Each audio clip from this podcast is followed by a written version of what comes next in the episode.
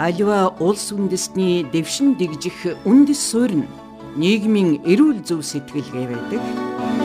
Нийгмийн эрүүл зөв сэтгэлгээтэй ямар ч ард түмэн тулгарсан бэрхшээлийг амжилттай давдаг төдийгүй ирээдүйн рүү чиглэх хамгийн зөв замаа сонгож чаддаг.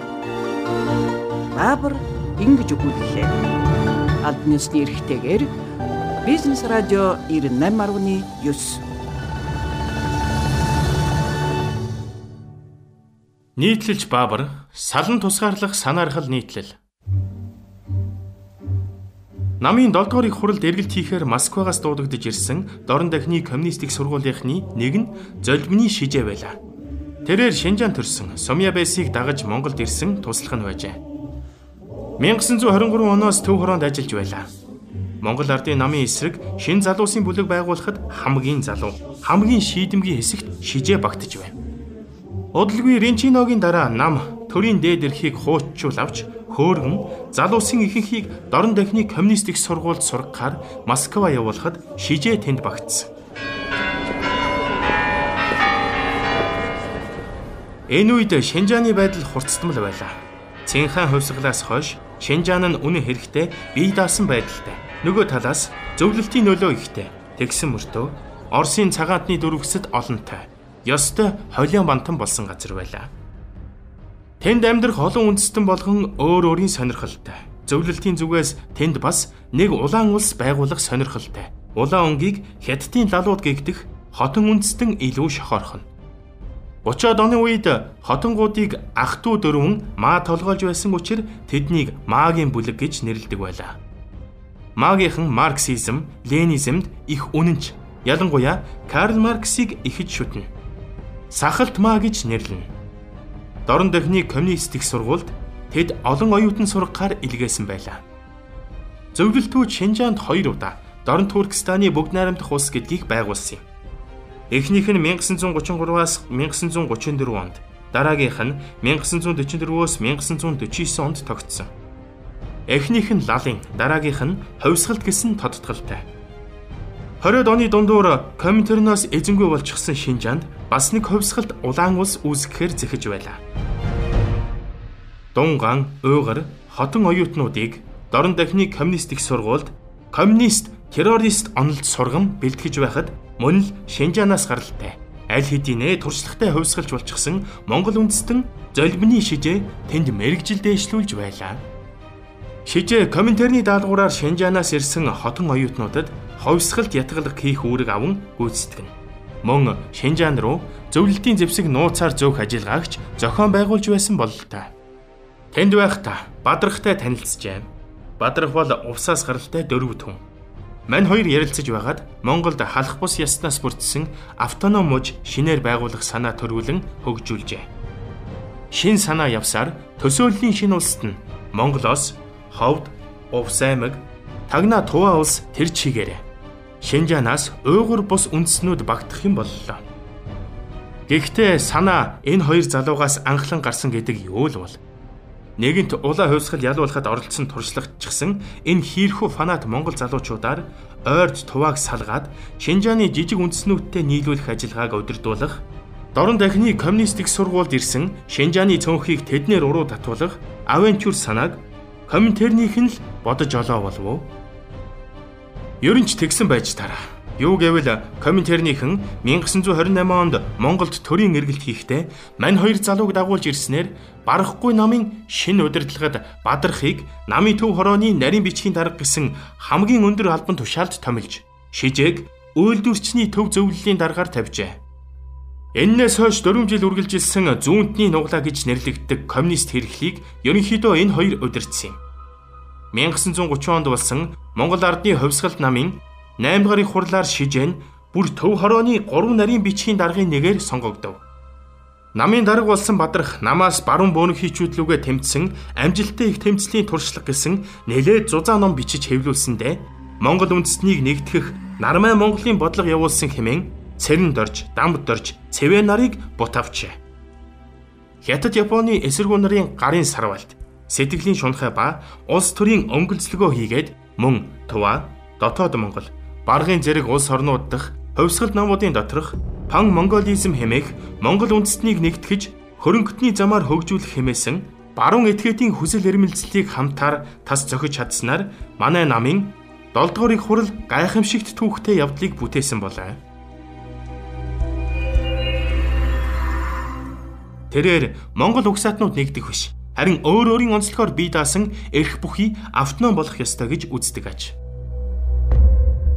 Коминтерноос шижээгийн Монгол дахь нэр хүндийг өргөхийн тулд түүнд 1928 оны 8 дугаар сард Ford M маркийн 16 машин бэлгэлсэн гэж Оросын түүхч Нефедров бичжээ. Шижээ бадрах нар 1929 онд Чандман уулын аймаг, Уснуур аймаг хоёрыг нийлүүлэн дөрвдийн автоном байгуулах санал гарган төв хороонд оруулжээ. Чухам энд халах хойртын олон жилийн зөрчил дахин сэдэрлээ. 1930 оны 1-р сард хуралдсан Төв хорооны хуралд оролцсон 35 гишүүний 27 нь халахчуд байв. 1931 онд хийгдсэн засаг захиргааны шинжилэлээр 13 аймаг шинээр байгуулсны дотор Ховд, Увс гэсэн хоёр аймаг багтав. Эдгээрийн аль алинд нь Хантайшир аймгийн халах хошуудаас нэмж нэгтгэв. Энэ ажлыг намын төв хорооны нөгөө нэг нарийн бичгийн дарга болох Гэндэн толгойлжээ. Нэг талаас Шижээ Бадрахын, нөгөө талаас Гэндэн дэмдийн гисэн бүлэг үүсч хоорондоо муудалцсан биенээ үзэхэ болсон юм. Гэндэнгийн талд ерөнхий сайж жигжиж жав. Цаашлаад элдв очир, содном, чойжил, гомс сүрэн, дэмид, мэнд, нанзад, цэдэн хиш.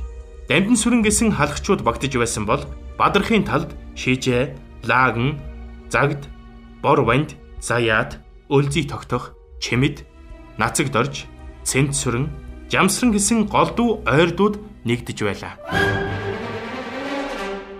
Намын нарийн бичгийн дарга болсноор Бадрахын зохион байгуулсан уран илтгэх чадвар нь гойд илрэх болов. Бие тоосон шургуу хүний хувьд бусад өдөрдөгчтэй нийцгээ болжээ. Дөрөв түн гэдгээрээ үндэсний асуудалд эмзэг өөрийгөө хавжигдсан мэт сандаг болжээ. Монгол ардын хувьсгалт намын 7 дугаар хурлаас адилхан нарийн бичгийн дарга болсон Гэндэн Бадрах хоёр хэн нь голлон тэргүүлэх вэ гэдэг асуудлаар өрсөлдснөөр маргаан эхэлсэн юм улам лавшран хураасан феодлын хөрөнгийг хэрхэн зарцуулах, ламдрын асуудлыг хэрхэн зохицуулах гээд өөр олон асуудлаар зөрөлдөж гарлаа. Шижээ хожим мэдүүлэг өгөхдөө. Гэндэн бадрах нарын гол зөрчилдөөн нь дөрвдийг тусгаарлаад хуваатай нэгтгэж автоном эрхтэй холбооны улс болох гэсэн бадрахын бодлыг Гэндэн эсэргүүцсэнд оршиж байлаа. Гэндэн бол Монгол үндэстний нэгдсэн улс байгуулах үзэл баримтлалтай. 1930 оны 3 дугаар сард хуралдсан намын төв хорооны бүгд хурал дээр хоёр бүлгийн ихний маргаан хурцтаж бадрахыг төв хорооны нарийн бичгийн даргаас өөрчилсөн боловч оронд нь шижээг томиллоо. Засгийн газрын бүрэлдэхүүн тэднийхээс олон хүн орсноос гадна улсын баг хурлын даргаар бадрахын гол холбоотон лаг нь сонгогдов. Ингээд бадрахын бүлэг нам төрийн удирдлагад даван гайлах шинжийг олжээ. Намын 8 дугаар хурлаас хойш бадрах солигдож энэ бүлгийг шижээ толгойлж бадрах ардан сууж голлон хадгаж явуулах болжээ хэмээн 3 онц бүгд хурал дээр гэнтэн шүүмжилсэн байдаг. Гэвч засаг захиргааны шинжиллийн үеэр хууч нар засагт хан 1923 оноос Хантайшир аймагт харьяалагдж байсан халахын 6 сумдыг 1926 онд байгуулагдсан Увс аймаг болон 1923 онд байгуулагдсан Ховд аймагт 3 3-аар нь нийлүүлжээ. Энэ нь тусгаарлах санаархлын эсрэг авсан арга хэмжээ бололтой. 1932 оны 5 дугаар сард намын төв хороо хянан шалгах төв комиссийн хамтарсан хурал болж шижээ бадрах нарыг бутавчээ. Бадрах хэлэхдээ зарчмын бүх асуудлаар комментарны зөвлөх Черномор Дюк Кочумав нартай байнга зөвлөлдөж байсан. Өөрөөр хэлбэл биедач зөрчилдсөн зүйлгүй гэж мэдүүлжээ. Хурлаас бадрахыг намын удирдлагаас гаргасан боловч 1934 он хүртэл эрүүл мэндийн яамны сайдаар ажиллаулсан нь ихээхэн учир битүүлэг явдал юм. 1932 онд Монголд иргэний дайн дэгдлээ. Энэ бол хэдэн жилийн турш шижээ Бадрах нарын Монголд туршсан коммунизм байгуулах хийргсэн туршилтын жинхэнэ үр дүн юм. Сталин Монголоос коминтернийг татаж ав. Мөн тэдний гарын төлөөлөгч болох шижээ Бадрах нарыг ч татан авчээ. Сталинд хэсэглэ хуваагдсан Монгол биш, харин алс дорнод нь улам бүр аюул учруулах болсон Япончуудаас CCCR-ыг жирэглэн хаах бүхэл Монгол хэрэгтэй байлаа.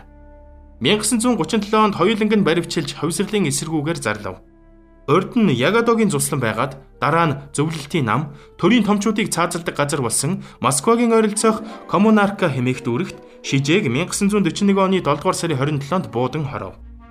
Түүнтэй хамт Монгол улсын ерөнхий сайд Амар, улсын баг хурлын дарга Догсом, Монгол Ардын хувьсгалт намын нарийн бичгийн дарга Лувсан Шарав, сангийн сайд Довчин, дотоод яамны дэд сайд Насан тогтох нар хамт буудуулсан юм. Бадрахыг үүнээс 3 хоногийн дараа өөр бусад монголчуудын хамтаар цаазалжээ. Аливаа улс үндэстний дэвшин дэгжих үндэс суурь нь нийгмийн эрүүл зөв сэтгэлгээ байдаг. Нийгмийн эрүүл зөв сэтгэлгээтэй ямар ч ард түмэн тулгарсан бэрхшээлийг амжилттай давдаг төдийгүй ирээдүйн рүү чиглэх хамгийн зөв замаа сонгож чаддаг. Баабар ингэж өгүүллээ. Албан ёсны эрхтэйгээр Бизнес радио 98.9